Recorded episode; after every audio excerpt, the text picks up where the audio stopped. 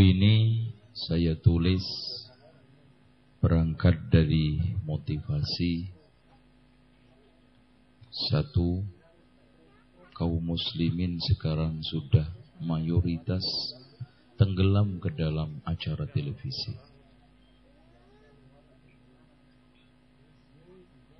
Kemudian yang kedua, televisi sudah menjadi berhala baru bagi kaum muslimin.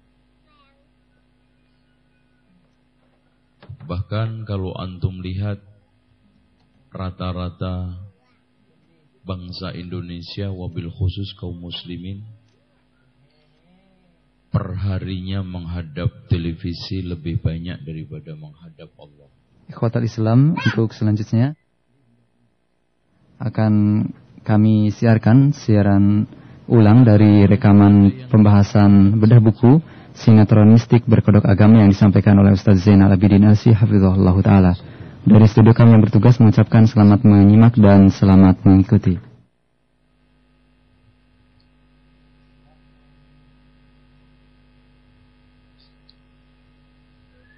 Kemudian yang kedua, fenomena kekerasan yang terjadi di kalangan remaja itu banyak dimotivasi dan diberi contoh oleh televisi.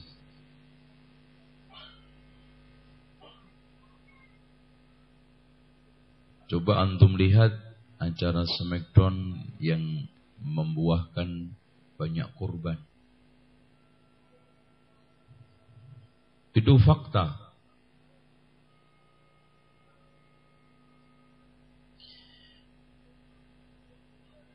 Sehingga diri sekalian di dalam buku ini antum lihat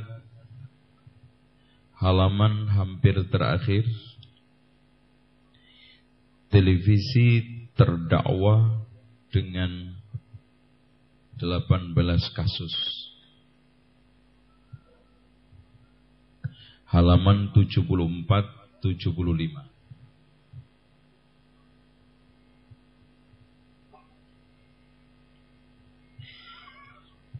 Media televisi menjadi terdakwa. Karena berbagai macam kejahatan dan tindak kriminal banyak dipicu oleh televisi. Maka dunia pertelevisian terdakwa dengan 19 kasus. Cuman di sini kita hanya kasih kurang lebih 18. Karena hampir mirip. Setiap kasus mampu menghancurkan aspek besar di masyarakat. Yang pertama, televisi terdakwah melatih pemuda untuk melakukan kekerasan. Yang kedua, televisi terdakwah memotivasi para pemirsa untuk berbuat kekejian. Dan televisi telah menyebarkan kenistaan di tengah para pemuda, baik laki maupun perempuan hatta siaran atau acara isinya muatan pendidikan pun tidak lepas dari kenistaan dan kekejian. Coba antum lihat sinetron sekolahan. Seakan-akan tiap hari dikesankan sekolah tempatnya pacaran. Hatta sampai di dalam kelas masih pacaran. Di dalam kelas masih pacaran. Dan anehnya gurunya cuek. Gurunya cuek. Jadi di dalam kelas pacaran, di luar kelas pacaran, berangkat ke sekolah pacaran, istirahat pacaran, di kedai pacaran, kayaknya tidak ada hari-hari tanpa pacaran.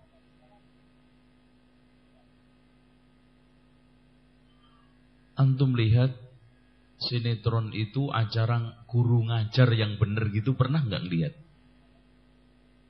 Masuk sekolah nggak pernah belajar itu loh mas. Kan kesannya begitu. Sekolah nggak pernah belajar.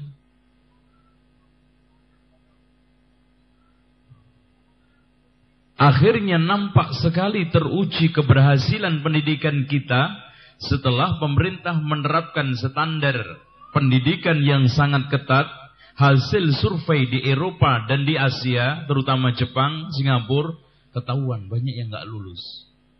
Akhirnya orang tua protes, ujiannya sulit. Bukan sulit, bodoh muridnya. Bodoh muridnya.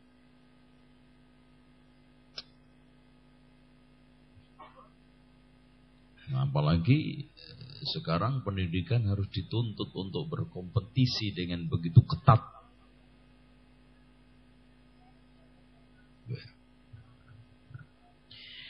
Nomor tiga, televisi terdakwah melatih para penjahat dengan seni terbaru untuk mencuri, menggeledah rumah dan membuka kunci.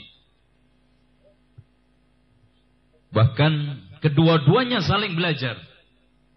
Televisi belajar dari rampok, rampok belajar dari televisi. Bahkan saya katakan televisi dengan kejahatan persis seperti iblis sama ibrit.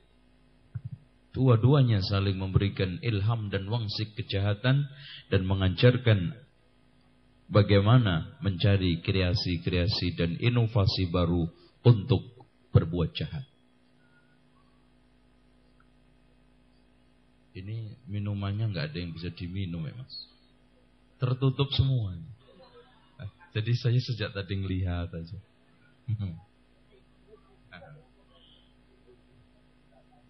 Ini adem. Jangan adem. Ini. Apalagi pisangnya, nggak mungkin dimakan ya mas. Ceramah sambil makan pisang.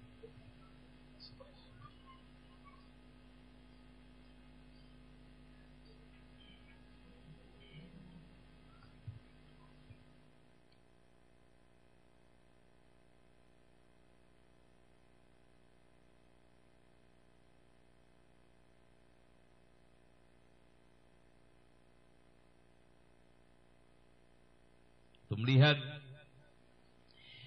bagaimana sekarang banyak wanita-wanita yang berani kepada suaminya menantang cerai. Makanya lanjutan dari kitab ini saya menulis kitab kalau kamu jantan ceraikan aku. Dan lagi mau selesai tinggal mengedit dan menyempurnakan. Karena ternyata saya lihat uh, pemicu kalimat kalau kamu jantan ceraikan aku uh, sehingga membuat rumah tangga itu pecah, bahtera berantakan karena itu. Coba bagaimana sekarang wanita bisa sabar dengan kesederhanaan. Televisi, mem, televisi memicu wanita untuk materialistik. Antum lihat kebutuhan dari elektronik, hub, dari mulai HP, dari mulai apa namanya, magic chair, kulkas, rapot rumah tangga, itu belum sempat kebeli sudah nongol baru lagi. Jadi orang yang nonton televisi itu ngiler tok bawaannya dan menghayal kapan aku punya itu. Menghayal. Maka hasil utama dari pendidikan televisi membuat makhluk-makhluk ahli menghayal. Ketika antum melihat satu tonton tontonan sinetron, laki melihat wanita cantik, pasti menghayal. Kapan aku bisa punya gitu? Nah, yang laki-laki, yang perempuan juga begitu. Ketika melihat bintang begitu ganteng dan gagah, menghayal. Semua menghayal. Nah, ketika antum lihat lakon televisi atau sinetron yang sedang mereka dialog di rumah gedong yang mewah, antum menghayal. Kapan aku punya rumah begini? Ngiler. Padahal dia juga nyewa itu rumah. Belum kebayar. Iya wong kontrak televisi itu gue syuting setelah nanti bayarnya. Menghayal.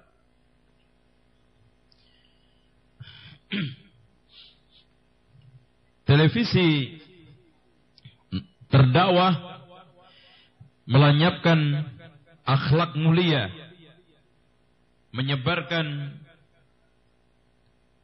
akhlak yang rendah seperti dusta, khianat, kefasikan, kesia-siaan dan yang lainnya. Antum lihat bagaimana anak kecil pinter membuat alibi dusta.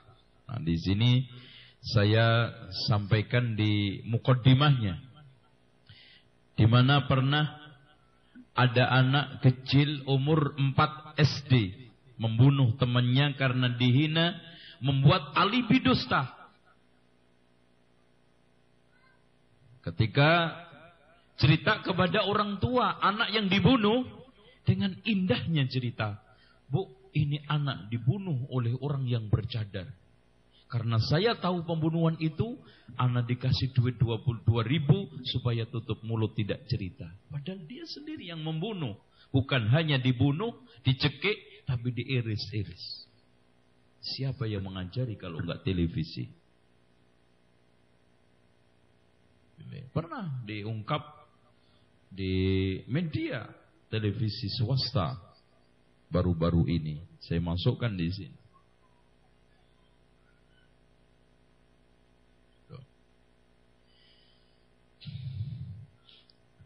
Nomor 6 Televisi mengajak para pemirsa untuk mengingkari nilai-nilai dan pesan moral Islam serta menggambarkannya dengan image yang buruk dan terbelakang. Makanya kalau sudah kaitannya dengan Islam, mereka hobi.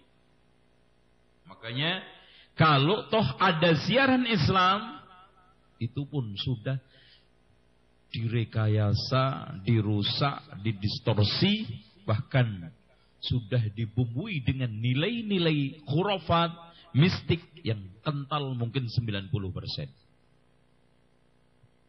Kayaknya yang ada cuman simbol-simbol, ada setan bacain ayat kursi. Tapi kan nggak mempan-mempan. Nah, muncul image, oh kalau begitu ayat kursi sekarang sudah nggak manjur lagi.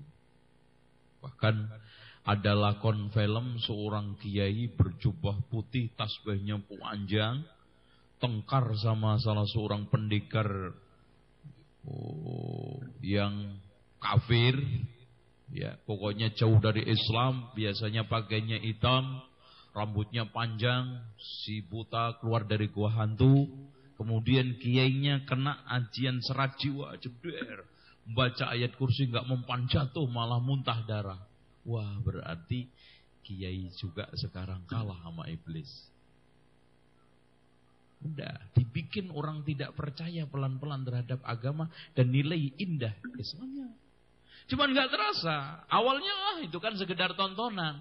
Tapi orang lama-lama ditonton kan akhirnya menjadi suatu keyakinan. Buktinya berapa banyak orang yang hidup dan melandaskan kehidupannya lewat acara televisi. Jadi kan berarti sudah menjadi ajaran tuntunan.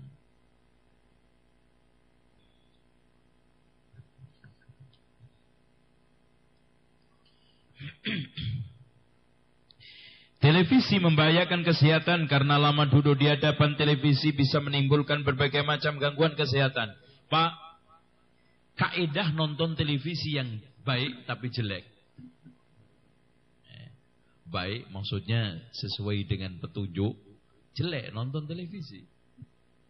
Yang baiknya jelek lah. Ini bid'ah hasanah ini ya ini. Gitu.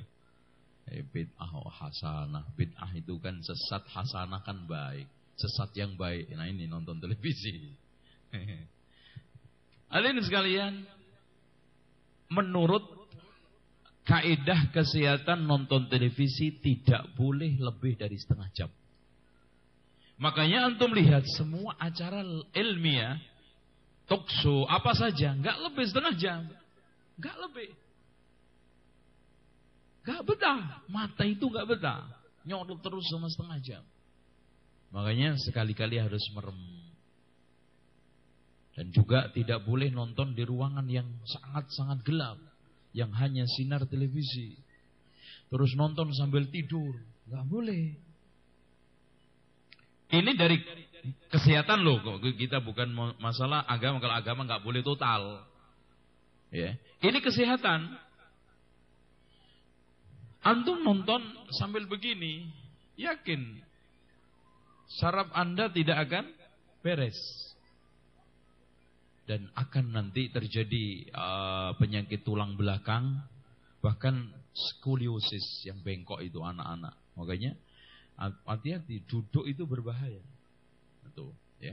Skoliosis itu pemicu utamanya di antaranya adalah tas. Tahu-tahu nggak mas penyakit skoliosis? Jangan-jangan nggak tahu ini, pura-pura tahu. Tahu nggak mas? Apa itu? Penyakit tulang bengkok. Jadi ada orang yang gini, ada orang yang gitu. Itu skoliosis, uh, tulang membentuk seperti ular. Itu pemicu tas anak yang suka gendong tas dan tasnya nggak nggak benar. Makanya kemarin sampai ada uh, apa namanya uh, pemicu utama dari skoliosis tas itu. Karena anak juga suruh gendong banyak beban akhirnya mungkruk. Atau cara duduk.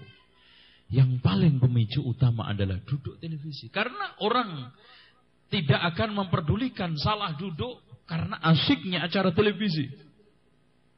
Mau oh, duduk sakit ini udah nggak terasa, apalagi adegan-adegannya seram, menarik.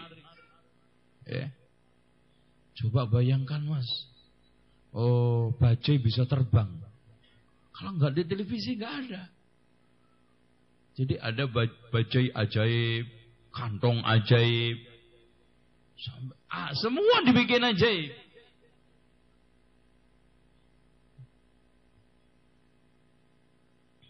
Selanjutnya, televisi, uh, apalagi mata penyakit mata. Bahkan ikhwan di Jepang pernah ditemukan anak idiot karena nonton televisi karena terlalu tegang, terutama play setan. PlayStation. Play setan. Permainan setan. Karena orang itu kalau tegang terus begini, apalagi balap mobil. Eh, gitu. Ini otak bisa dol ini sarafnya. Karena apa? mengikuti itu. Sehingga ada yang muntah, ada yang ini sampai ada yang sakit syarat. Akhirnya Pak idiot. Coba bayangkan Ikhwan. Orang main PlayStation itu dari mulai pagi sampai sore betah. Kayak apa itu matanya sampai merah nggak dipedulikan. Makanya matanya itu habis itu kayak setan betul. Merah. Sholatnya aja kayak setan. Ya, kalau apakah ada setan yang islami? Ada. Sifat sholat Nabi. Bikin PlayStation. Main ruko gitu, dipencet. Tapi nggak menarik. Nggak menarik. Sebetulnya bisa kita bikin gerakan sholat, gerakan tawaf, gerakan sa'i. Ya. Pakai station. Cuman enggak, enggak akan diminatin orang.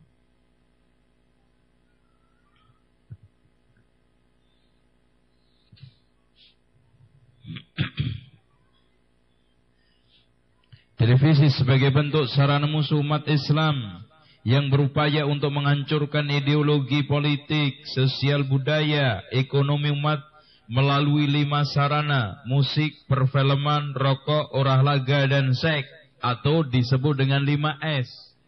Smoking, apalagi song, seks, sinema, dan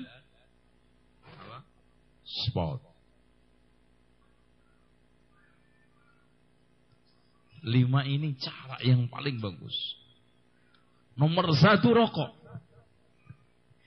Ya ikhwan. Antum jangan salah. Pemilik rokok di Indonesia semua sahamnya non muslim. Dan 10% masuk ke aktivitas kristenisasi. Belum lagi sekarang ini menghancurkan perekonomian umat. Kesehatan. Antum lihat sekarang orang yang rokok umur ngerokoknya 30 tahun.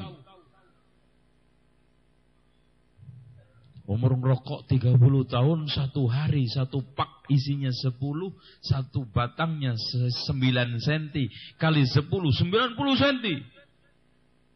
Makan Nabi 90 cm per hari kali 30 tahun. Masya Allah. Nah makanya saya usul bagi yang membuat mata pelajaran biologi eh, makhluk-makhluk pemangsa. Kan ada pemangsa ini kurang satu, makhluk pemangsa api. Kalau makhluk pemangsa ngeri, Pemang, makan darah ngeri, makan api lebih ngeri siapa? Menungso. Pemangsa api. Allahu Akbar. Mas antum kalau diceritain makhluk pemangsa darah, ngeri kan? Oh, itu kalau enggak puas enggak mungkin. Ternyata masih ada yang lebih tinggi lagi. Makhluk pemangsa api, manusia. Sampai ketek itu bisa ngerokok diajari manusia. Ketek ogleng itu loh mas, yang ketek itu. Yang monyet, apa? Iya, topeng monyet itu. Ada adekan si su apa? Siapa? si Sarimin bergaya ngerokok. Sepul, sepul bisa. Ketek rokok. Diajarin manusia. Allah. Mas, kalau antum lihat orang rokok akhlaknya paling rendah. Paling rendah.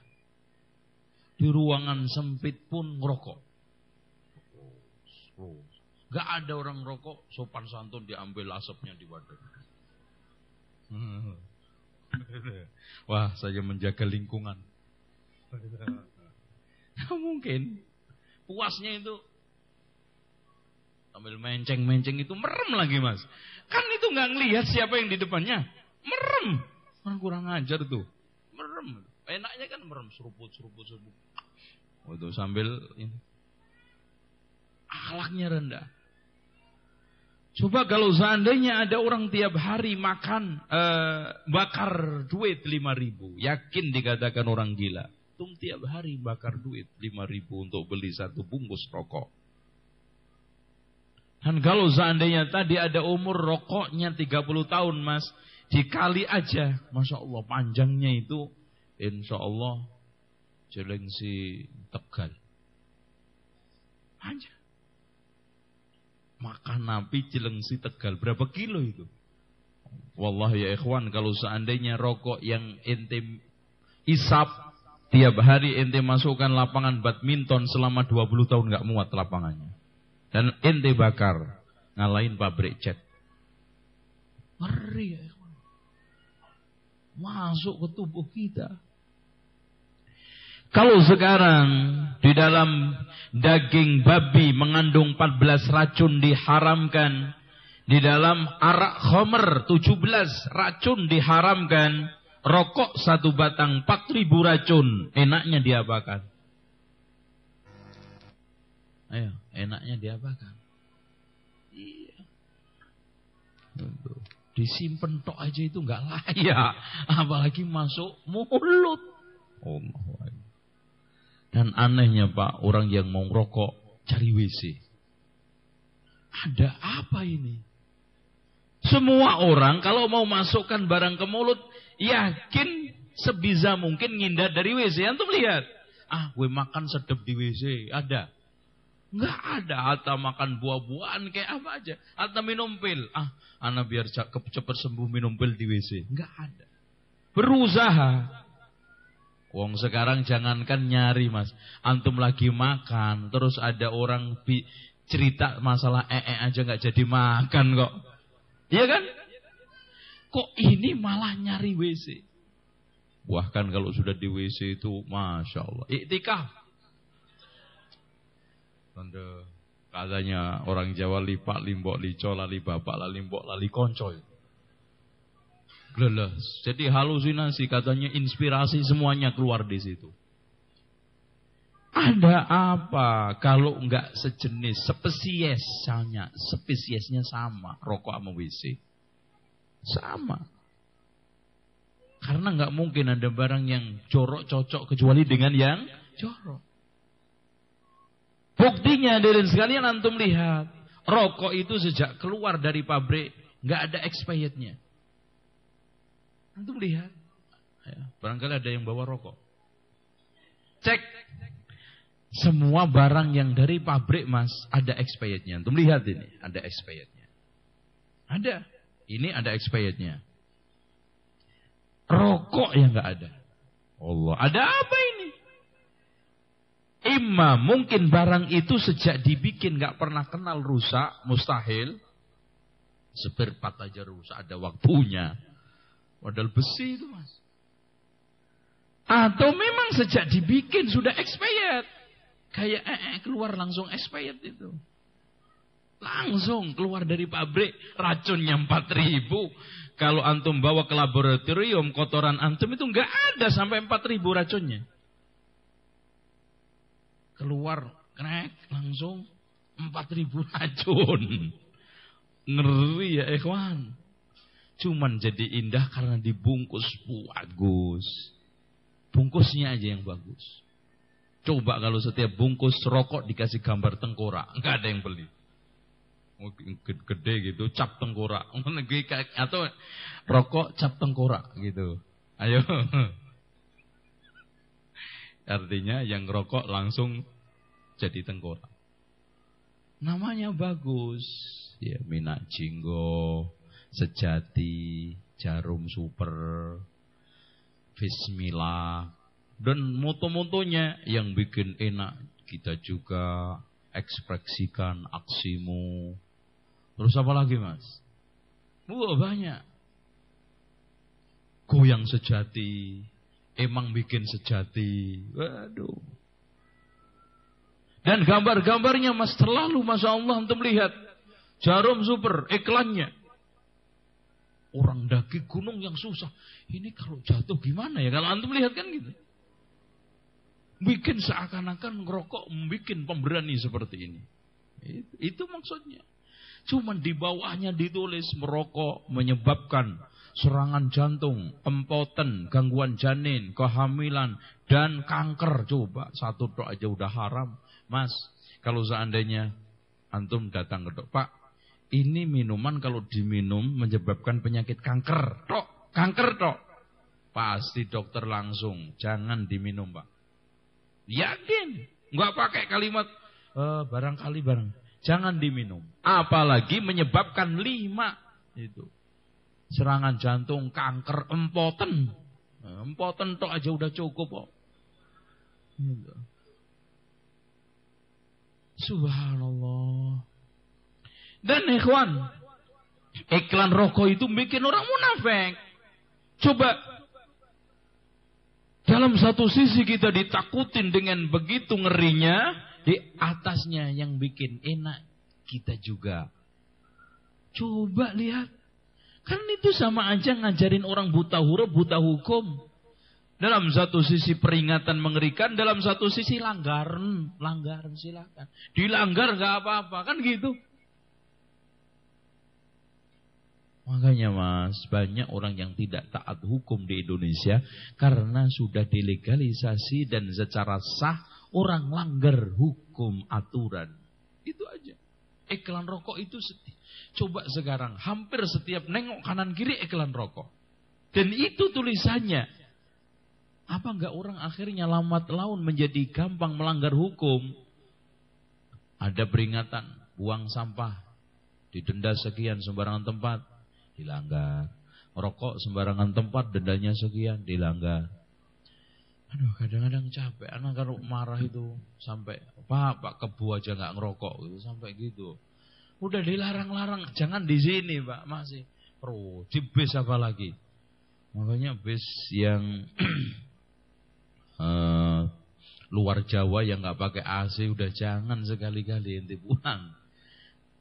Ya, pasti dijamin rokok asapnya bersaing dengan mobilnya? Ya, bersaing. Sama. Mungkin asapnya rokok lebih banyak daripada asap bis. Gitu.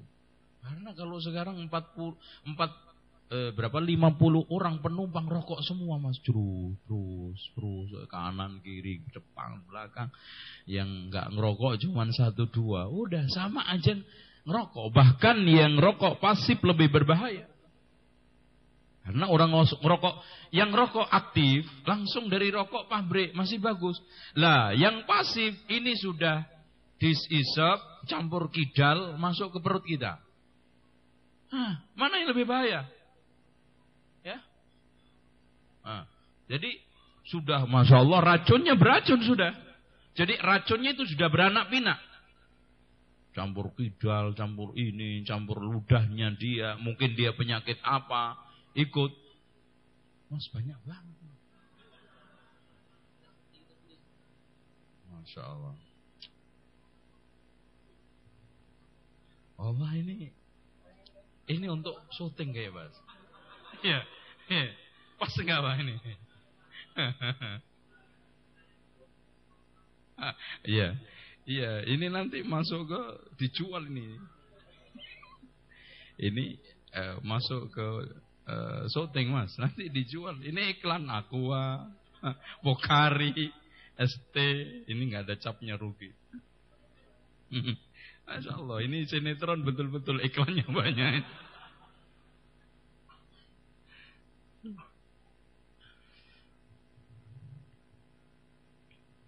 Oke. Nomor sembilan, televisi telah mencemari akidah dan tauhid anak. Coba bagaimana ini sekalian anak kita yang belum pernah masuk tauhid. La ilaha illallah dan belum kita tanamkan sudah tertanamkan Pokemon. Kantong ajaib. Segala sesuatu bisa didapat dengan kantong ajaib. Tawakal anak kita, Tuhan anak kita yaitu Allah. Gak ada. Pokemon cukup.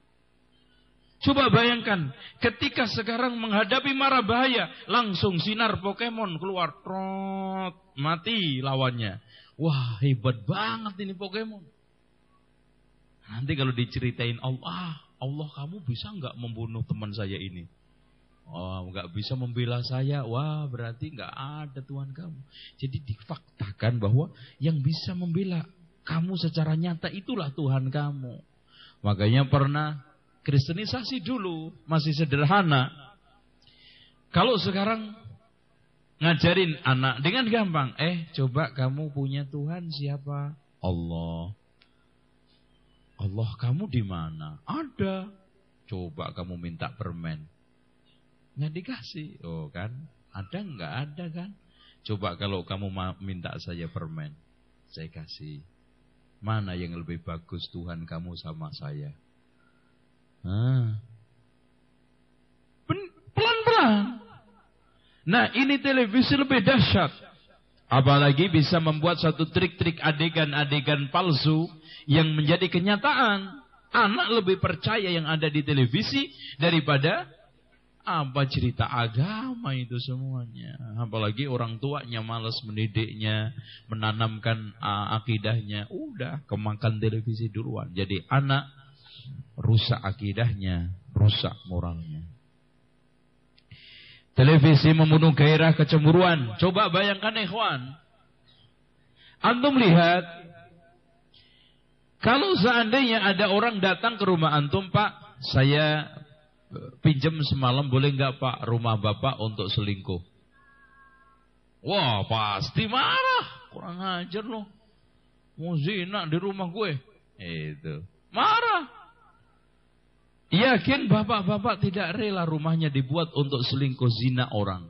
Tapi hadirin sekalian, dengan gampangnya adegan sinetron selingkuh zina di kamar-kamar kita, kita biarkan, kita cuekin. Cemburu kita sudah tidak ada. Ya, dengan dengan gampangnya kita setel. Nah, Masya Allah hari ini ada orang selingkuh. Kalau punya kamar kan tiga kamar, ada televisinya semuanya udah tiga kamar penuh orang selingkuh. Kamar ini selingkuh, kamar ini selingkuh. Yang punya rumah nonton. Masya Allah. Kalau dulu Pak, ada orang bawa salib, kalung salib masuk ke rumah Bapak marah-marah. Sekarang yang masuk ke rumah kita bukan hanya salib gereja utuh masuk ke rumah kita. Lewat televisi. Bahkan Ahmad Didat pernah dialog sama pendeta. Kalahnya kan di sini. Ahmad Didat mengatakan, kalau kamu masuk ke Mekah tidak bawa paspor la ilaha illallah Islam tidak bisa. Tapi kalau saya masuk ke Vatikan tidak harus merubah agama saya bebas. Apa kata pendeta? Tokoh-tokoh agama, musik-musik, dan acara-acara kebaktian serta gereja akan masuk Mekah lewat televisi. Betul. Masya Allah, lewat televisi. Orang-orang kafir sekarang bisa masuk ke Mekah. Ya mas, masuk ke Mekah lewat televisi. Bahkan yang telanjang, yang ini, yang joget, masya Allah. Sampai sekarang naudzubillah min dzalika ikhwan, saya umroh yang terakhir kemarin betul-betul saya sedih dan sangat mendalam kesedihan saya. Dan ini juga bukan kesalahan pemerintah Saudi. Di mana jamaah-jamaah umroh dengan cueknya menyalakan HP di dalam Masjidil Haram, Masjidil Nabi dengan musik rinton yang begitu merdunya. Yang Indonesia campur sari. Ada kadang salatu wassalamullah ala tuha Rasulillah yang dari Lebanon apa? Wallah masjid rame dengan ringtone televisi. Coba bayangkan. Dulu ada orang dialog debat. Katanya orang Islam sama Kristen. Ah, masjid kamu itu nggak ada pianonya. Katanya orang Kristen. Kalau masjid saya ada eh masjid gereja saya ada piano, ada gitar, ada organ, katanya orang Islam. Wah, memang masjid itu kan tempat beribadah kita. Harus bersih. Masa ibadah joget-joget kalah orang Kristen. Mau ibadah kok jogetan, musik. Emang Allah itu senang piano? Gitu. Ya, ini dialog orang kelas bawahan. Cuman akhirnya orang Kristen menang. menang sama orang Islam. Oh enggak. Kalau masjid kamu itu ada pianonya, hilang. Wong kotak masjid aja hilang. Nah, menang orang Kristen. Aduh sekalian. Coba lihat sekarang. Organ sudah masuk ke masjid. Bahkan nyanyian sudah masuk masjid. Gak ubahnya dengan gereja. Wallah ya ikhwan pernah ada orang masuk Islam di Jawa Tengah Kenapa? Karena kok ibadah nyanyi-nyanyian. Setelah masuk Islam, datang masjid, ketemu nyanyi lagi. Cuman beda bahasa Arab gitu aja. Tapi tetap nyanyian. Kadang-kadang dicampur dengan bahasa bahasa Jawa, bahasa Sunda, tombo ati, iku limo, warnane, moco Al-Quran. Kan gitu. Tuh kadang-kadang lir ilir. Lir ilir. Tandure wis semilir kan gitu. Jadi dioplos dengan bahasa Arab, solawat, naria, burda, ya Rabbi bil musafa nyanyi. Memang susah. Dengan demikian hadirin sekalian, hendaknya seorang muslim mewaspadai ini semua. Jangan sampai anak antum yang antum sudah didik menggunakan biaya yang mahal akhirnya. Istri antum juga begitu. Yang hancurkan oleh televisi. Bahkan ikhwan dengan bebasnya seorang laki-laki melihat aurat perempuan lewat televisi tidak merasa malu karena nonton sendirian.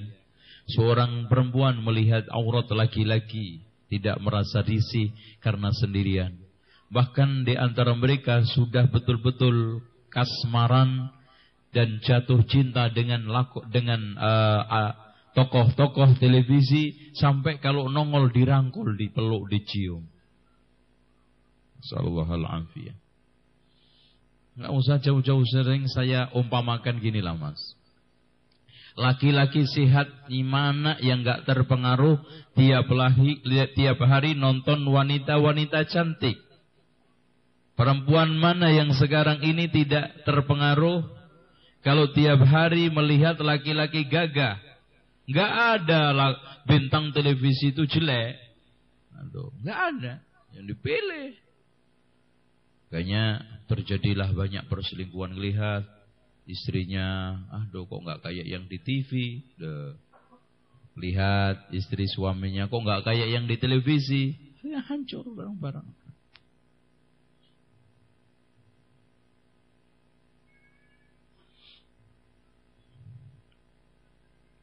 Televisi melemahkan akidah wala wal barok. Loyalitas dan benci yang dimiliki kaum muslimin sudah nggak ada. Bahkan ikhwan, karena dia pecandu sepak bola, sementara kebetulan bintang lapangnya adalah orang Kristen, nggak peduli mau Buddha mau Kristen nggak mau beragama. Ini adalah tokoh kegemaran saya, ini adalah bintang saya, ini adalah tokoh yang saya kagumi. Peduli. Berapa banyak untuk melihat orang-orang pendukung sepak bola permainan Eropa, padahal rata-rata semuanya adalah non-muslim. Udah nggak membedakan. Apalagi anak-anak muda kita yang sudah gandrung dengan Peter Pan, yang sudah gandrung dengan padi, yang sudah gandrung dengan ungu, nggak peduli siapa yang nyanyi. Padahal wala wal barok merupakan satu akidah inti umat Islam. Dari akidah inilah kita itu ciri Islam bisa terdapat, bisa diwujudkan. Sementara televisi melumatkan ini semua. Itu bentang-bentang sinetron itu Mas Kristen bisa menjadi tokoh Islam. Coba lihat. Coba nggak usah jauh-jauh film Umar Mukhtar. Itu tokohnya siapa? Siapa Mas? Orang Kristen. Tapi karena dia lihai dalam berakting, sampai wudhunya seperti wudhu orang Islam. Sholatnya Mas, antum kalau lihat Orang ini sholatnya khusyuk banget. Aduh gitu, Masya Allah. Kalah ente sholatnya. Yang jadi Hamzah, Kristen. Orang bisa tertipu, terkecoh. Dikiranya Muslim.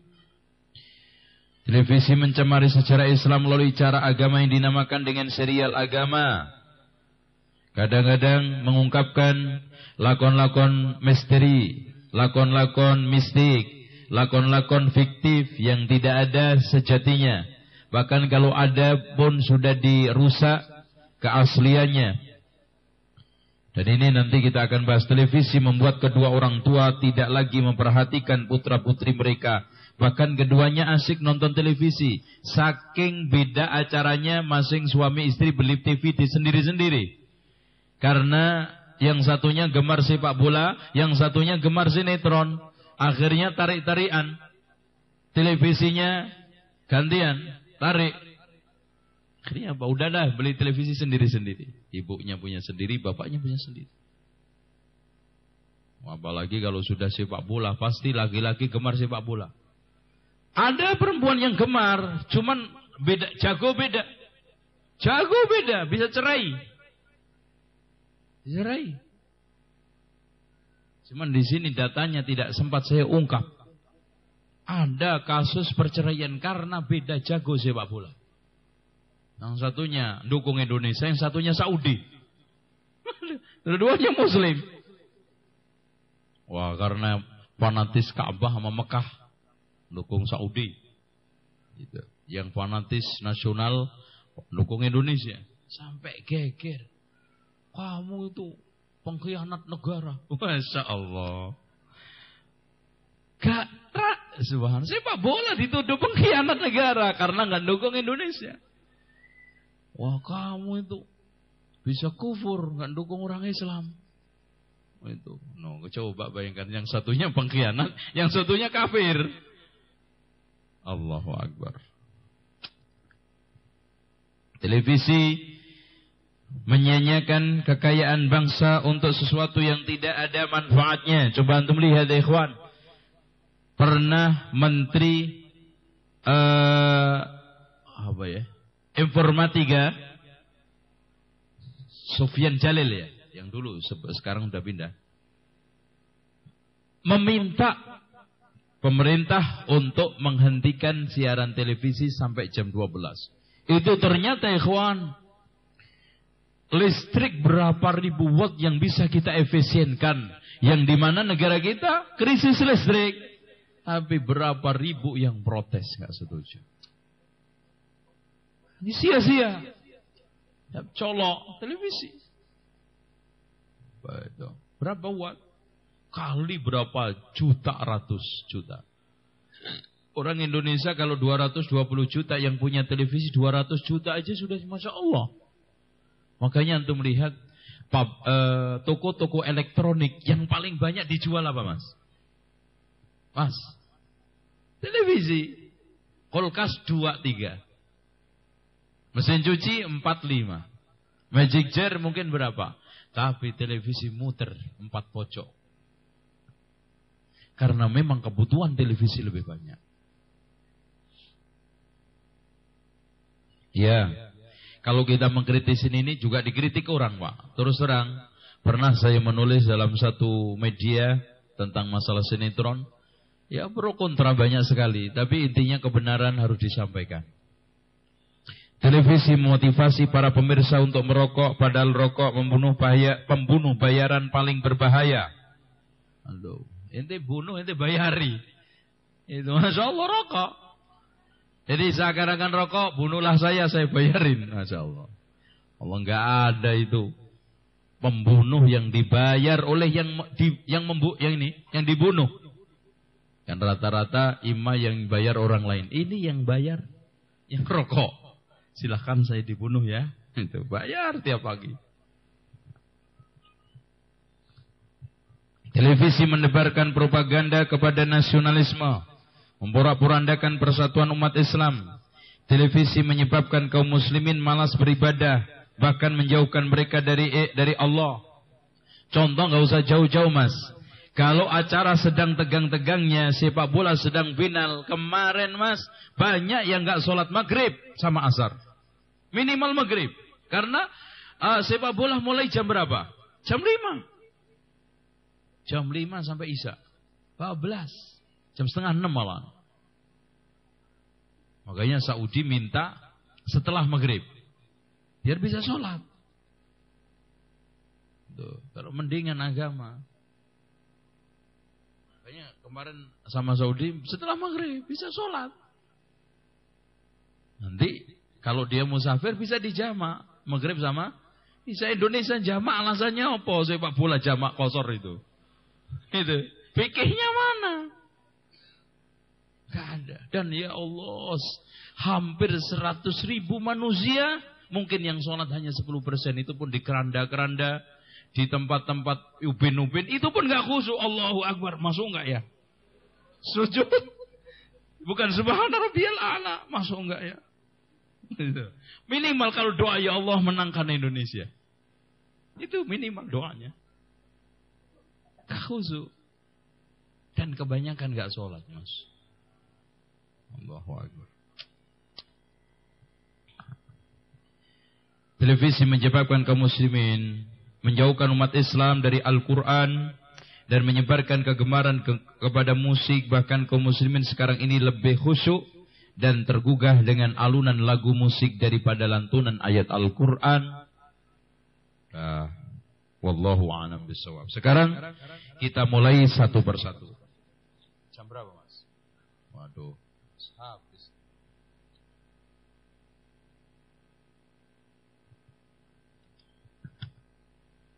Coba di mukadimah lak, lakon uh, fakta nyata ini pernyataan Dr. Abdul Azim Al-Mat'ani, guru besar sastra Arab Universitas Al-Azhar, dalam sebuah wawancara mengatakan, saya selalu menyebutkan sebuah kasus yang menyedihkan yang menimpa seorang remaja ciri bersama saudari perempuannya. Ayahnya seorang yang sibuk sebagai pejabat tinggi, sedangkan ibunya pergi bersama teman-temannya untuk bersenang-senang. Sementara itu kedua anaknya tinggal di rumah hanya berteman dengan televisi dan video maka sangat mengejutkan ketika ayahnya pulang cepat dari kerjanya ternyata melihat anak lelakinya menjadikan saudara perempuannya layaknya sebagai istri alias melakukan hubungan karena tertarik adegan televisi. Tatkala sang ayah menyaksikan pemandangan memalukan itu, ia naik ke atas loteng villa dan menjatuhkan diri hingga terkapar mati. Televisi ya, Gak mustahil. Berapa banyak anak yang menirukan adegan Batman terbang. Wow, ya bok mati. itu kan gitu. Batman terbang, Superman itu. Itu dari atas. Itu lagi orang tuanya yang bodoh, dibeliin baju yang Batman lagi. Subhanallah, ini anak sama bapak bodoh. Bodoh-bodoh nih. Coba bayangkan itu kalau anak lagi lagi niru Batman terbang. Dari atas rumah. Jatuh. Antum jangan. Boleh antum beliin pelembungan, balon. Tapi antum beliin baju Batman itu. Gak mikir mas. Bahaya itu. Ya. Di Perancis anak berusia lima tahun menembak tetangganya sehingga terluka parah. Dan ketika ditanya dari mana dia belajar, demikian maka ia menjawab bahwa ia belajar mengisi senapan dan menembak dari sebuah film yang ditayangkan televisi. Di daerah Jawa Timur ada seorang anak yang baru duduk di bangku kelas 4 SD telah membunuh temannya berma bermainnya yang baru berumur 4 tahun dengan cara sangat sadis hanya dengan dicekik eh, karena diejek temannya dibunuh dengan cara dijerat dengan kain yang di lehernya, kemudian tubuhnya disayat-sayat dan ditaruh di mobil bekas. Sudah lama sekali dipakai. Pakai. Dan dengan sangat lihai si bocah membunuh itu membuat alibi kepada ibu anak yang dibunuh tersebut dengan mengatakan bahwa anak ini dibunuh orang yang bercadar. Karena itulah karena dia mengetahui prosesnya. Dari mana belajar televisi? Lembaga Ilmu Pengetahuan Indonesia LIPI telah melakukan penelitian terhadap masyarakat Sulawesi Selatan. Setelah maraknya dunia pertelevisian di Indonesia dan hasilnya terungkap bahwa sejak masuknya televisi di daerah tersebut, masyarakat sana berangkat kerjanya lebih siangan karena malam harinya harus menonton acara televisi hingga 00 jam 1 dini hari. Merambahnya dunia pertelevisian pada masyarakat Indonesia, terutama channel Indovision, yang menjangkau seluruh pelosok dan daerah, berdampak langsung kepada agresi, agresivitas, ah, agresi maksudnya, masyarakat, dekadensi moral dan perekonomian bangsa. Padahal 10 tahun yang lalu, bangsa Indonesia adalah negara yang swasembada beras. Namun kenapa berapa tahun, beberapa tahun belakangan ini, Indonesia menjadi pengimpor beras? Jangan-jangan para petani kita telah banyak terbunuh kreativitasnya dan kegigihan bercocok tanam oleh televisi. Dan ini nampak penelitian sangat mendengar. Karena apa? Karena petani lebih lebih nggak terikat oleh waktu. Kalau pegawai kan harus masuk jam sekian sekian. Dia enggak. Nonton televisi jam berapa aja nggak pernah takut. Ah, Gampang lah besok ya, sawahnya saya garap. Besok lagi ini lakonnya enak besok lagi. Akhirnya sekarang Indonesia menjadi pengimpor beras. Bukan salahnya pemerintah. Pemerintah sudah banyak memotivasi. Karena ternyata masyarakatnya asyik dengan televisi. Oke. Sekarang halaman 15 media antara nikmat materi dan bencana peradaban di abad ke-21 berbagai kemajuan peradaban dan teknologi telah dicapai oleh manusia baik dalam bidang pendidikan, pemikiran, industri, pertanian, ekonomi, politik, sosial budaya, militer, transportasi, komunikasi maupun hubungan diplomatik antar bangsa. Setelahnya, maka tidak bisa dipungkiri Berbagai macam lembaga pendidikan dan lembaga pengkajian serta penelitian mengundang para cendekiawan dan pakar dari seluruh penjuru dunia untuk melakukan kajian empiris dan penelitian ilmiah dalam rangka mengembangkan dalam seluruh bidang hidup kehidupan. Para petualang ekonomi dan pasar modal berebut investasi dan peluang pasar untuk mengeruk kekayaan, memperkuat permodalan dan mengais keuntungan. Begitu juga para birokrat, politikus, politik, tikus. Politikus. Politikus pun tidak tinggal diam. Bahkan rame-rame ambil peran di masing-masing posisinya. Ikut nimbrung dalam acara kenduri bisnis dan pesta sunatan anggaran. Dalam rangka menikmati hasil keuntungan bisnis dan mengeruk kekayaan hasil bumi dan tambang milik negara. Berbagai macam sarana komunikasi dan transportasi diciptakan untuk mempermudah segala urusan kehidupan sehingga dunia laksana satu daratan yang bisa dicangkup dengan mudah dalam waktu sekejap tanpa menyisakan letih dan lelah. Padahal 60 tahun yang lalu sarana komunikasi transportasi masih sangat minim. Segala sesuatu hanya ditempuh dengan waktu yang sangat lama. Namun saat ini semua serba instan dan mudah. Hubungan jarak jauh sangat mudah sekarang didapat. Makanya ikhwan, sekarang ini kita ke Jawa Timur, Sulawesi, ke Kalimantan itu seakan-akan Masya Allah. Sejam, coba bayangkan. Pergi Kalimantan dua jam. Ke Surabaya sejam. Ciut. Kayak sedaun kelor. Namun hadirin sekalian kita sayangkan kaum muslimin perkembangan yang sangat pesat ini kalau tidak diwaspadai ya saudara kaum muslimin Perkembangan yang sangat pesat ini kalau tidak diwaspadai bisa menimbulkan malapetaka dan bencana yang sangat dahsyat bagaikan benalu yang tumbuh di tangkai gandum atau laksana rumput yang bagus tumbuh di atas kotoran kerbau sehingga bisa memberikan pengaruh buruk bagi kehidupan dan peradaban manusia baik pada tingkatan pribadi maupun tataran masyarakat.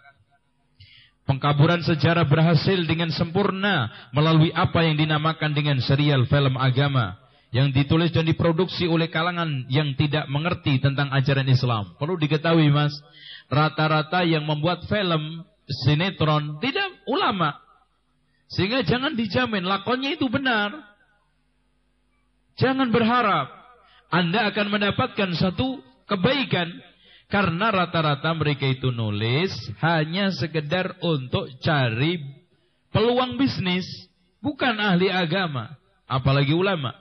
Akidahnya mereka di akibatnya mereka memberikan informasi yang salah dan fenomena yang dusta.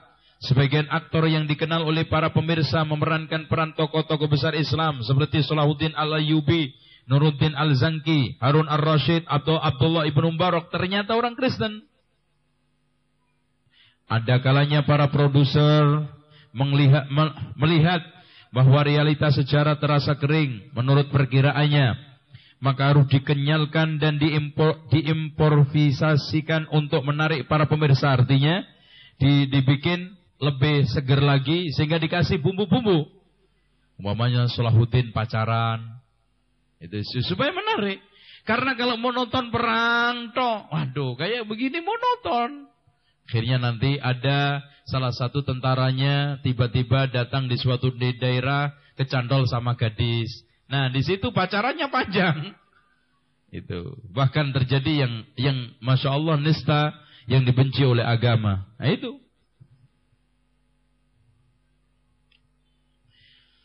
Sudah cukup.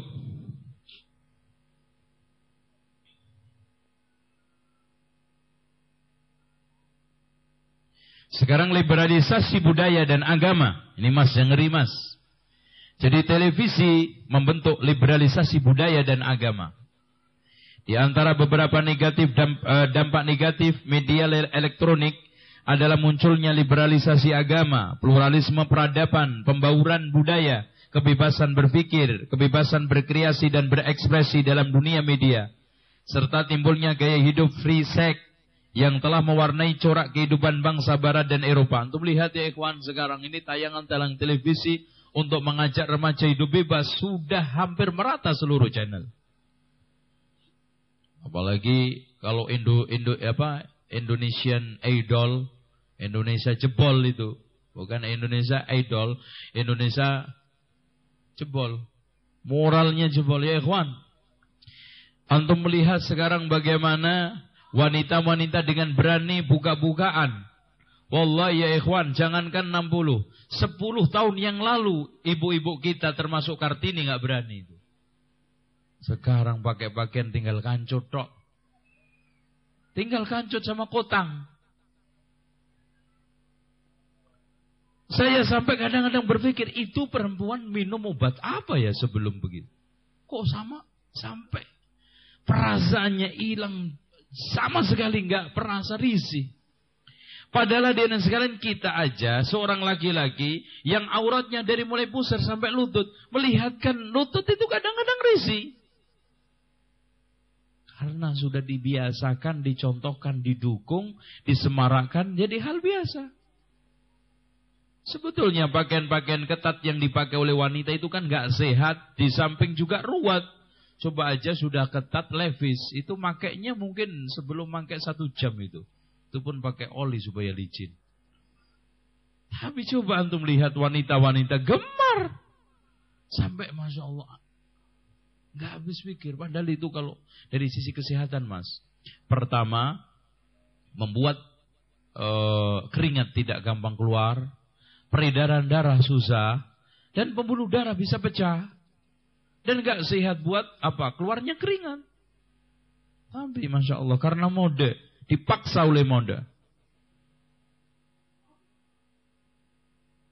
Ini. Mereka pun mengusung budaya rusak dan kebiasaan buruk tersebut ke tengah keluarga dan kehidupan masyarakat muslim. Di seluruh belahan dunia bersama kekuatan kristenisasi dan imperialisme mereka menebarkan dan mengeluarkan virus kerusakan moral, akhlak serta pendangkalan akidah. Intinya prinsip mereka ini Pak, sebagaimana yang disebutkan dalam firman Allah, "Wala yazaluna yuqatilunakum hatta yaruddukum an dinikum in istata'u." Mereka terus-menerus selalu mengeluarkan dan berusaha membuat kalian murtad dari agama kalian sampai sampai kalian-kalian betul mengikuti agamanya, keluar dari agama Islam kalau mampu. Tanpa disadari, kaum muslimin telah merasakan secara langsung radiasi kerusakan media tersebut. Ditambah lagi oleh buayan setan yang terus berusaha menggoda agar mereka jauh dari jalan lurus melenceng dari petunjuk. Sehingga secara pelan-pelan dan berlahan mereka keluar dari nilai agama dan ajaran Allah dan mereka memenuhi segala panggilan syahwat yang mengundang murka dan kemarahan Allah yang akhirnya hidup menemui kesengsaraan. Persis yang dikatakan oleh Allah fa khalafa min ba'dim khalfun adaa'us salata wattaba'us syahawat ya adaa'us salawata wattaba'us syahawat fasawfa yalqauna ghayya. Menyanyiakan salat mengikuti syahwat. Untuk melihat kalau diundang ungu, datang sampai belasan ribu, lima belas ribu, dua puluh ribu. Diundang tablek, yang datang paling belasan orang. Itu. Iklan sudah dipasang di mana-mana. Di radio, pamflet disebar, undangan di kompleks sampai dua ribu habis, yang datang dua puluh. Itu udah paling bagus, paling bagus.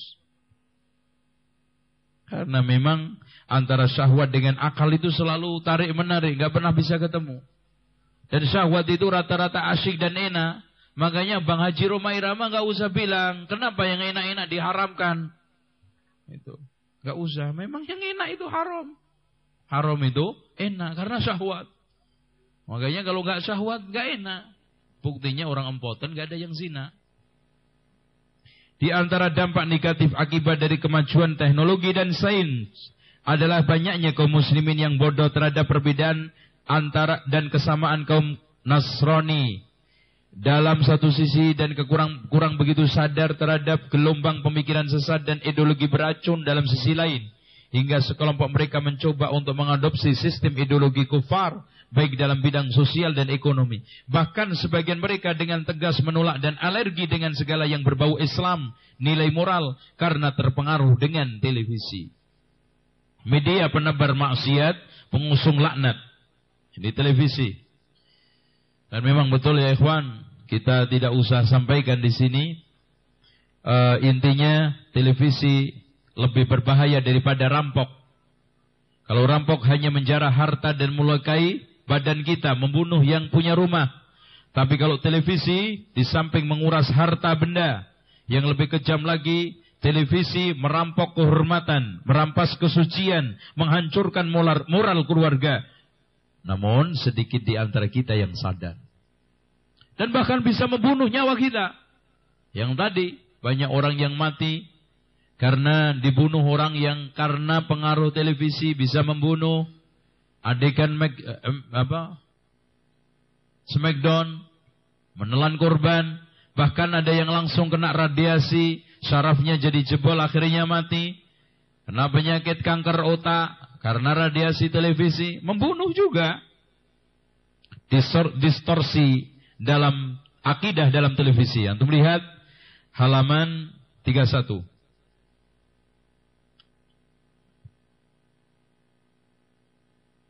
Sebelumnya ada apa ini?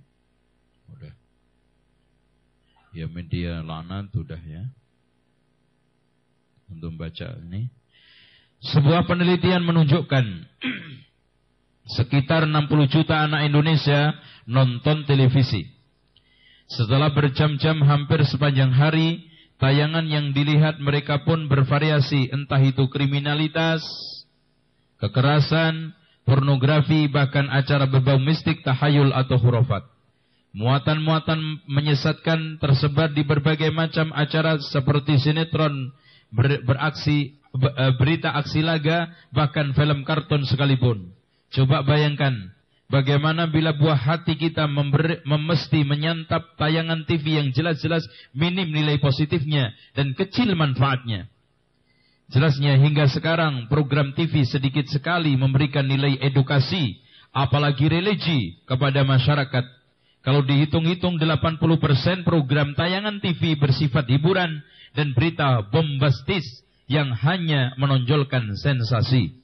Siaran dalam bentuk sinetron, komedi, entertainment, dan lainnya segala ditayangkan pada saat jam-jam anak nonton TV. Misalnya muatan cerita yang disuguhkan sungguh tidak bermakna.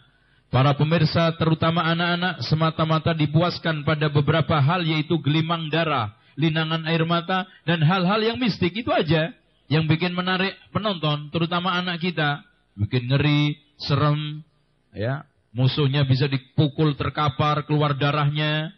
Terus kemudian ada bajai bisa ngilang. Terus ada kantong ajaib mistik itu semuanya. Memang benar tidak semua tayangan TV memberi dampak negatif. Tetapi kuantitas acara TV yang bermanfaat bagi para pemirsa artinya eh, program-programnya itu terutama anak masih sangat rendah dan minim TV selayaknya ikut andil dalam membangun negara, mencerdaskan generasi bangsa, bukan malah menebar penyesatan, pelecehan, kekerasan, tahayul, pembodohan yang tidak masuk akal dan sejenisnya. Bagi sebagian masyarakat TV menjadi sumber utama untuk mendapatkan informasi, betul. Sementara membaca surat kabar atau media masih banyak, masih hanya berkisar 10%, bahkan pembaca buku lebih sedikit lagi. Artinya ikhwan, budaya masyarakat nonton itu lebih menonjol daripada baca. Makanya kenapa televisi lebih laris? Karena orang itu lebih enak, lebih gampang, lebih asik nonton. Gak susah. Makanya oplah malah majalah di Indonesia paling baik itu 100. 100 ribu oplah itu sudah bagus. Sementara televisi yang nonton berapa juta? Apalagi pembaca buku. Contoh aja buku Islam nyetak 3 ribu, 5 ribu itu udah kebanyakan dibanding masyarakat muslim yang sekian ratus juta, ratus juta loh mas. Buku yang tercetak lima ribu, tujuh ribu, paling banter. Itu pun eh, kitab-kitab yang bombastis. Contoh, cinta berzikir. Cinta berzikir. Televisi penebar sadisme. Sudah saya jelaskan tadi. Sadisme televisi biang pornografi. Ini jelas. Sulit bagi televisi untuk menolak tuduhan bahwa hampir setiap tayangan TV selalu dibumbui oleh aroma pornografi. Penyanyi-penyanyi televisi coba aja kayak apa namanya penyanyi Koceng Garong. Ada yang kenal nggak ini? Coba bayangkan ikhwah sekalian. Bagaimana sekarang penyanyi dangdut ya memamerkan pantatnya, menunjukkan sensasi tubuhnya, dan sehingga ikhwan anak-anak sekarang ini nggak ada budaya ngintip lagi. nggak ada kayak antum dulu kecil-kecil ngintip. Itu mau sekolah ngintip. Karena sekarang nggak perlu ngintip udah melotot. Udah kelihatan ngapain diintip. Makanya sekarang anak-anak kecil nggak ada budaya ngintip. Ngintip orang mandi nggak perlu karena yang di televisi sudah banyak. Nggak perlu diintip. Nauzubillah, masya Allah. Biang pornografi. Tidak ada. E, minimal itu sekwilda sama bupati. Sekitar wilayah dada buka, bupati, bupak paha tinggi-tinggi itu. Minimal itu.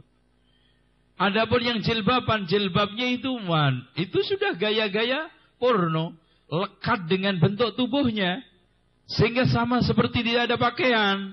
Maka itulah yang dikatakan Rasulullah, nisaun kasiyatun ariyat, ru'usuhunna ka'asnamil bukh. Televisi tak punya pesan moral. Berbagai menu tayangan TV malah mengajarkan kekerasan, kebencian, permusuhan, balas dendam dan sebagainya. Antum melihat bagaimana bintang film saling olok mengolok dengan kalimat-kalimat yang kadang-kadang pedas, bahasa kebun binatang kan ditiru sama anak kita itu. Ya kan? Sehingga tidak ada lagi pada mereka sikap simpati, perasaan empati, apalagi tolong menolong. Bahkan bahasa komunikasi yang mereka gunakan pun melewati kaidah benar yang benar dan baik. Mereka lebih condong menggunakan bahasa gaul yang kasar daripada bahasa yang santun beradab, apalagi sama orang-orang yang lebih tua. Stasiun televisi sangat jarang menayangkan muatan positif dan pesan moral seperti tenggang rasa, gotong royong, sopan santun, berlaku sopan kepada orang tua, dinamisme, kreativitas, ambisi dan kegigihan untuk berhasil, menghargai kejujuran dan yang lainnya. Karena apalagi nilai-nilai agama, karena itulah anak-anak akan sangat berpotensi kehilangan kepribadian, kepahlawanan, keceriaan dan kepolosannya lantaran masuknya permasalahan orang-orang dewasa dalam keseharian mereka. Jadi hadirin sekalian, bahasa orang dewasa masuk ke anak kita. Kebiasaan orang dewasa masuk ke anak kita.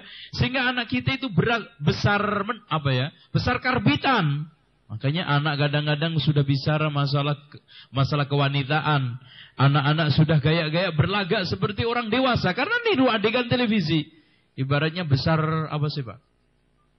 Eh, besar belum waktunya. Apa istilahnya? Karbitan ya. Mistik, tahayul dan hurafat.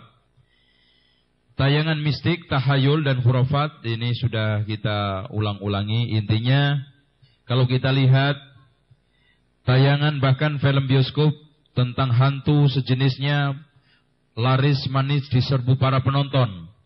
Padahal program acara mistik ini tentu tentu menayangkan gambar-gambar yang tidak masuk akal, serem. Coba bayangkan orang punya gigi taring sampai keluar dari ini mulutnya. Apalagi potongan mak lampir yang begitu menyeramkan. Terlebih lagi merendahkan akal sehat ambil contoh Gadis manis jembatan Ancol, Mak Lampir, Nyi Roro Kidul, Wiro Sableng, Joko Budo dan yang lainnya. Ini tayangan-tayangan yang Masya Allah kalau dini nggak masuk akal. Bagi para pemirsa terutama kalangan anak-anak boleh jadi tayangan seperti itu justru membuatnya selalu diliputi rasa takut akan hantu dalam berbagai bentuknya sehingga kehidupan mereka dipenuhi dengan halusinasi, adegan hayalan dan perasaan ketakutan yang tak berdasar yang mengalahkan takut mereka kepada Allah. Bayangkan mereka masuk ke kamar mandi, masuk kamar tidur sendiri dihantui rasa takut yang sangat berlebihan. Hukum menyaksikan televisi. Nah, kalau sudah seperti itu gimana hukumnya? Nah, itulah. Mari kita baca yang enak. Perhatikan. Sebenarnya hukum asal televisi adalah mubah dan merupakan nikmat dunia yang sangat bermanfaat. Namun nikmat televisi ibarat pisau bermata dua. Pada satu sisi bisa mendatangkan manfaat tetapi pada sisi lain bisa merusak. Maka ketika media televisi digunakan untuk tujuan negatif dan menimbulkan bahaya lebih buruk maka harus dilarang. Setelah mencermati penjelasan tentang berbagai macam tayangan televisi di atas, ternyata dampak negatif dan efek buruk lebih dominan daripada manfaatnya sehingga sudah menjadi kaedah dan prinsip agama bahwa segala perkara yang mengandung bahaya lebih besar dan ketimbang manfaat harus dicegah dan dilarang. Syekh Muhammad Nasiruddin Al-Albani ditanya tentang hukum menyaksikan tayangan televisi pada zaman sekarang, maka beliau menjawab bahwa televisi sekarang ini tidak diragukan lagi keharamannya karena televisi merupakan sarana semacam radio dan tape recorder seperti nikmat-nikmat lain yang Allah karuniakan kepada para hamba. Sebagaimana Allah telah berfirman dan jika kamu menghitung-hitung nikmat Allah niscaya kamu tidak dapat menentukan jumlahnya. Wa in ta'uddu ni'matallahi la tuhsuha. Pendengaran adalah nikmat penglihatan adalah nikmat demikian juga kedua bibir dan lisan tetapi kebanyakan nikmat-nikmat itu berubah menjadi petaka bagi pemiliknya karena mereka tidak mempergunakan untuk hal-hal yang dicintai Allah. Begitu juga radio, televisi dan tip recorder. Saya saya kategorikan sebagai nikmat. Akan tetapi kapan semua itu menjadi nikmat? Yaitu ketika ia diarahkan untuk hal-hal yang bermanfaat untuk umat televisi di dewasa ini 99% di dalamnya menyiarkan kefasikan penguburan syah penyuburan syahwat, kemaksiatan, lagu-lagu haram dan seterusnya. Dan satu persen lagi disiarkan hal-hal yang terkadang bisa diambil manfaatnya oleh sebagian orang, maka faktor yang menentukan adalah hukum umum, faktor mayoritas yang ada dalam siaran televisi tertadi. Sehingga ketika didapati suatu negeri Islam sejati yang meletakkan manhaj atau metode ilmiah yang bermanfaat bagi umat dalam siaran televisi, maka ketika itu saya tidak hanya mengatakan televisi itu boleh, hukumnya bahkan wajib. Artinya, kalau ada negara, kalau ada umat sanggup mencipta, menciptakan stasiun televisi, mendirikan stasiun televisi yang bagus, acaranya bagus, bermanfaat, bukan hanya mubah, boleh, bahkan bisa wajib. Tapi untuk kondisi sekarang ini, jelas haramnya karena 99% mengandung unsur bahaya merusak kefasikan. Ini fatwanya Syekh Albani. Gimana ini mas? Sinetronnya belum kena. Menyoroti sinetron mistik berkedok agama. Sinetron religi dalam timbangan syariat. Intinya ikhwan, Produk pertelevisian yang paling laris dan banyak menyedot pemirsa adalah sinetron religi yang sekarang umumnya banyak muncul berbagai kontroversi di dalam di tengah masyarakat. Banyak pelanggaran syariat, norma dan moral agama. Bahkan menggeser habis secara pelan-pelan peradaban bangsa dan karakter umat. Sehingga tuntunan agama menjadi tontonan sementara tontonan menjadi tuntunan. Udah, itu kenyataan. Dibalik. Coba bayangkan. Jika dicermati dengan baik, tontonan sinetron religi telah berubah menjadi tuntunan bagi masyarakat awam. Sehingga mereka gampang berbuat syirik dan kebitahan karena diajari oleh sinetron. Mereka dengan enteng berbu membunuh, berzina, minum khamar, berjudi dan merampok karena meniru ulah bintang sinetron. Mereka pandai berdusta dan menipu karena diberi teladan oleh setan oleh sinetron. Mereka durhaka terhadap orang tua karena dibimbing oleh sinetron. Para wanita pandai bersolek karena nonton sinetron. Para remaja putri berani pamer aurat karena diajari sinetron. Kaum wanita bertabarus dan berikhtilat karena sinetron. Para istri berani melawan suami karena obsesi sinetron. Karena terobsesi oleh sinetron. Mereka gampang berselingkuh dan berkhianat kesucian karena tertarik oleh adegan sinetron. Para pejabat negara gandrung dengan paranormal karena berguru dari sinetron. Kaum awam abangan keranjingan dunia gaib dan ilmu mistik karena dimotivasi oleh sinetron kaum akademik berani menentang ajaran Allah dan Rasulnya karena dibimbing oleh sinetron dan mayoritas umat Islam tidak percaya terhadap keampuhan Al-Quran dan kehebatan sunnah karena didoktrin oleh sinetron. Bahkan keyakinan mereka terhadap akhirat lemah dan rusak karena terpengaruh oleh sinetron.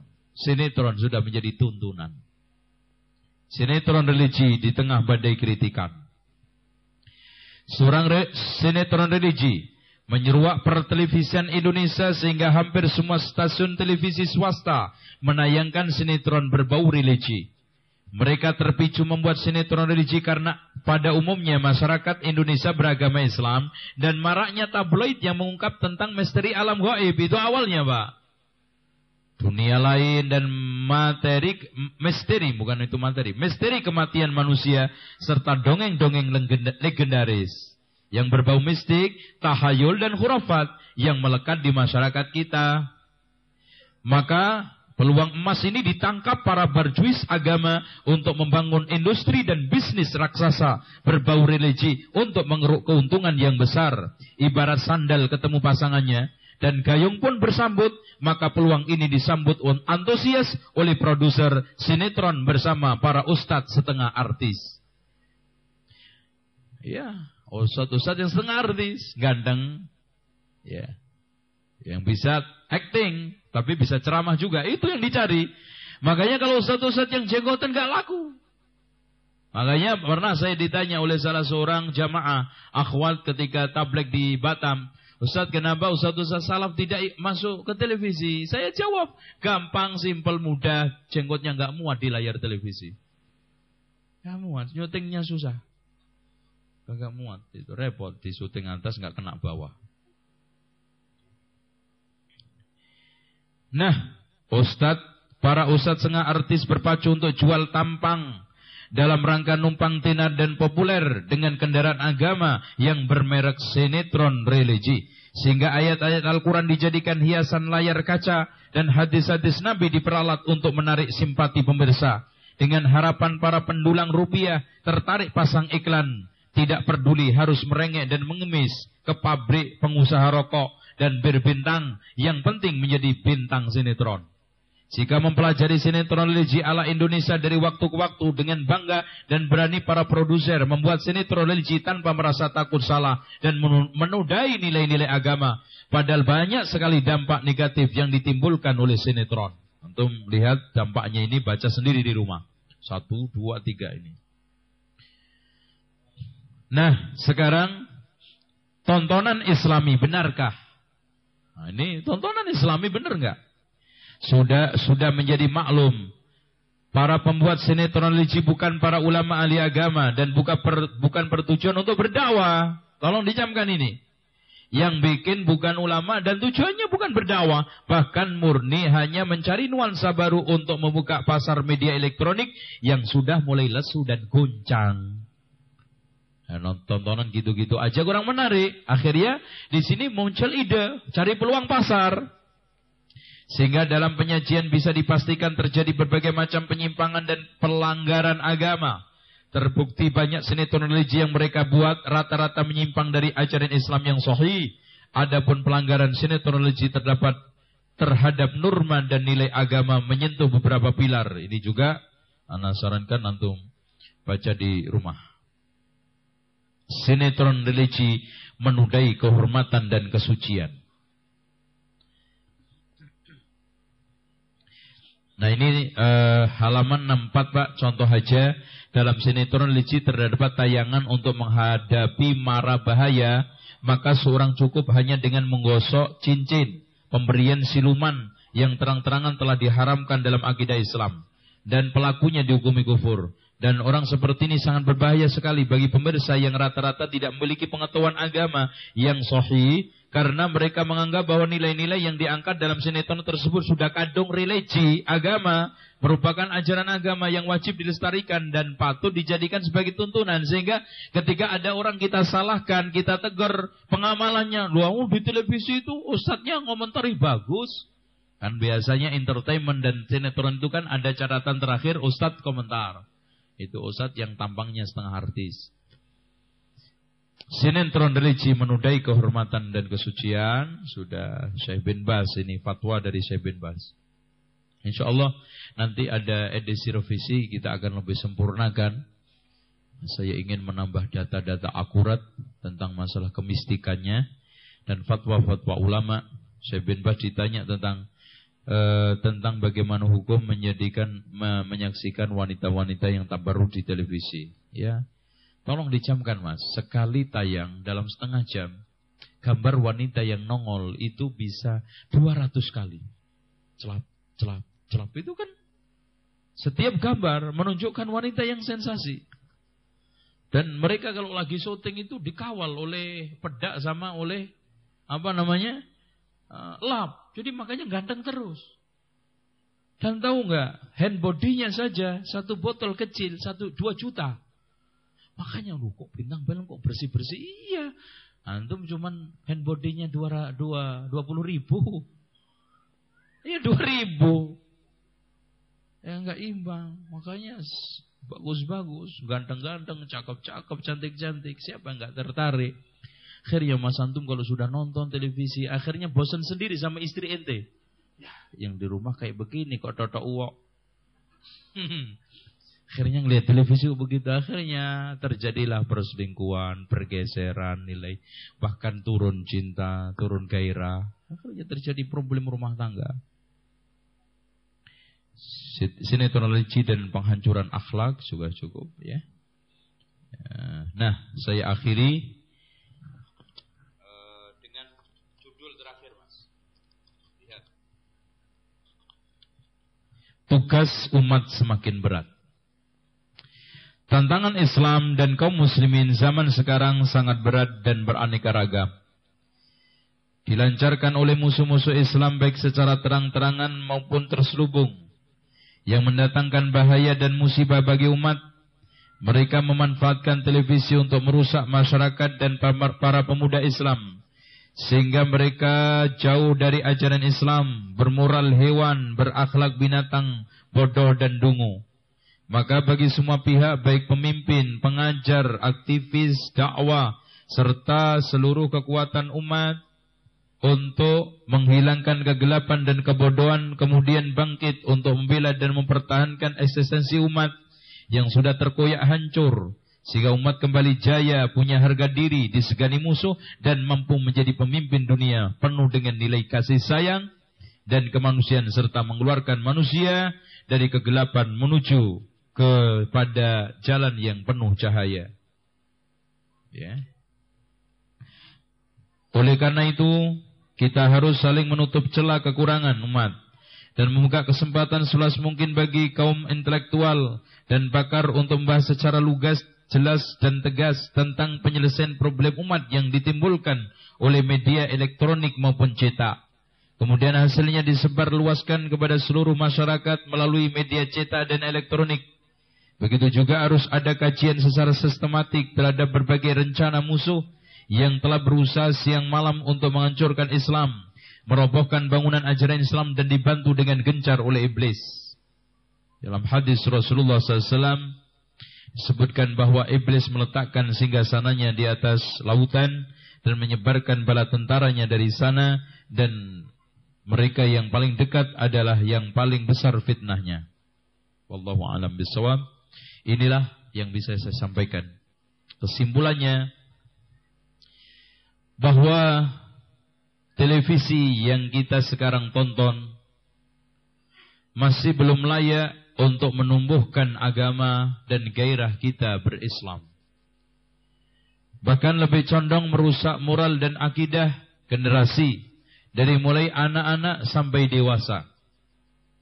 Bahkan kalau kita lihat dari mulai A sampai Z-nya gaya hidup manusia Syarat dipengaruhi oleh gerakan dan pola televisi.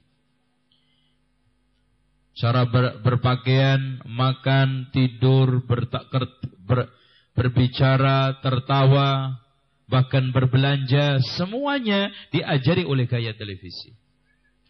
Dan betul yang dikatakan oleh Syekh Nasruddin Al-Albani tidak meleset sama sekali bahwa 99% televisi mengandung unsur bahaya dan merusak serta mendatangkan madarat bagi penonton dan pemirsa. Dan satu persennya pun kalau seandainya ceramah agama, yang ceramah pun kadang-kadang sufi, kadang-kadang menyebarkan pemikiran sesat, kadang-kadang menyimpangkan ayat-ayat Allah, memelesetkan makna hadis Rasulullah. Sehingga satu persennya ini juga bermasalah. Buktinya ikhwan, tidak ada satupun penceramah yang faham sunnah. Dan sulit orang-orang yang faham sunnah itu masuk televisi. Karena alasannya untuk menjadi ustadz televisi syaratnya harus empat dan semuanya tidak bisa kita penuhi. Satu ganteng. Keduanya bisa diajak untuk jualan. Dan yang ketiganya diajak untuk melintir ayat dan hadis. Dan yang keempatnya pinter besilat lidah. Susah buat kita empat ini. Apalagi membahas halal haram. Susah. Tauhid syirik ente diusir sehari tok siaran. Kayak saya dulu tayangan sekali tok. Ceramah subuh sekali tok. Sekali udah, waduh kalau begini repot. Makanya ikhwan, kalau antum lihat materi yang diangkat oleh ustadz-ustadz televisi sama dengan pendeta. Makanya mereka boleh bisa saling ceramah. Ustadz-ustadz televisi ceramah di gereja bisa, Pendeta bisa ke Islam. Yang dibahas cuma apa? Kurang lebih empat. Kasih sayang dan pengampunan. Sayang, rahmat, diampuni. Ibaratnya dosa masuk gereja dilus, rontok dosanya. Udah. Jadi ustadz itu tempat penebusan dosa. Keduanya sabar syukur. Makanya antum lihat bolak balik ceramah kultum tayangan sebelum maghrib mana aja sabar syukur sabar syukur itu toh sabar syukur sabar sabar isbiru innallaha ma'asuf bes pokoknya sabar syukur. Terus kemudian yang keempat yang ketiga infak. Kalau bahasa gereja bantuan gereja. Duit. Sumbangan, infak, sodako. Dan yang terakhir hadirin sekalian, membahas tentang masalah hubungan akrab harmonis antar manusia. Ini nggak perlu Muslim, nggak perlu Islam, nggak perlu Quran. Pendeta pun bisa ceramah empat ini. Dan antum cermati kalau nggak percaya, antum coba puter channel Sehat Subuh. Hari ini Indosiar, hari ini RCT. Bahasanya muter-muter itu aja. Cuman ganti-ganti lafat, ganti-ganti contoh, ganti-ganti ini. Tapi empat itu isinya. Coba kalau bahas tahlilan bid'ah, waduh, televisi bisa digulung itu. Televisi Indosiar telah menyiarkan paham Wahabi, tutup itu. Saya dulu itu bedah buku Usul Salasa di ANTV. Eh, saya cuma membahas tentang biografi Syekh Muhammad bin Abdul Wahab. Memang sengaja, mumpung kebetulan saya kantor Wahabi. Saya kantor Wahabi karena mumpung belum tentu balik lagi saya. Saya sudah punya feeling saya nggak akan diundang lagi. itu kan gitu. Dan ini bukan program dari televisi, dari ada salah satu penerbit eh, apa yang ing, ada salah satu orang yang ingin mencoba memasukkan eh, sunnah ini ke televisi, dibayar bukan dari televisi, biaya dari ini. Coba Ustaz masuk. Bedah buku apa enaknya? Kita pilih usul satu. Kita jelaskan itu. Tapi lumayan. Habis setelah itu Ah, di kita dikritik habis-habisan di ruangan. Apaan itu? Wah, Wahabi suka nyerang-nyerang sufi kenapa sih? Padahal kita nggak pernah membahas masalah siapa Wahabi, cuman menjelaskan Syekh Muhammad bin Abdul Wahab terus kemudian pemikirannya, terutama pemikiran beliau yang tertuang di dalam usul salasa. Bahkan saya tantang, tolong jeleknya mana di dalam kitab ini? Dan ternyata hadirin sekalian, itulah jawaban mereka. Seperti partai, tidak mungkin kita bisa kerjasama menyampaikan Islam dengan benar karena pertimbangan suara. Makanya pernah saya diajak kerjasama sama salah satu partai.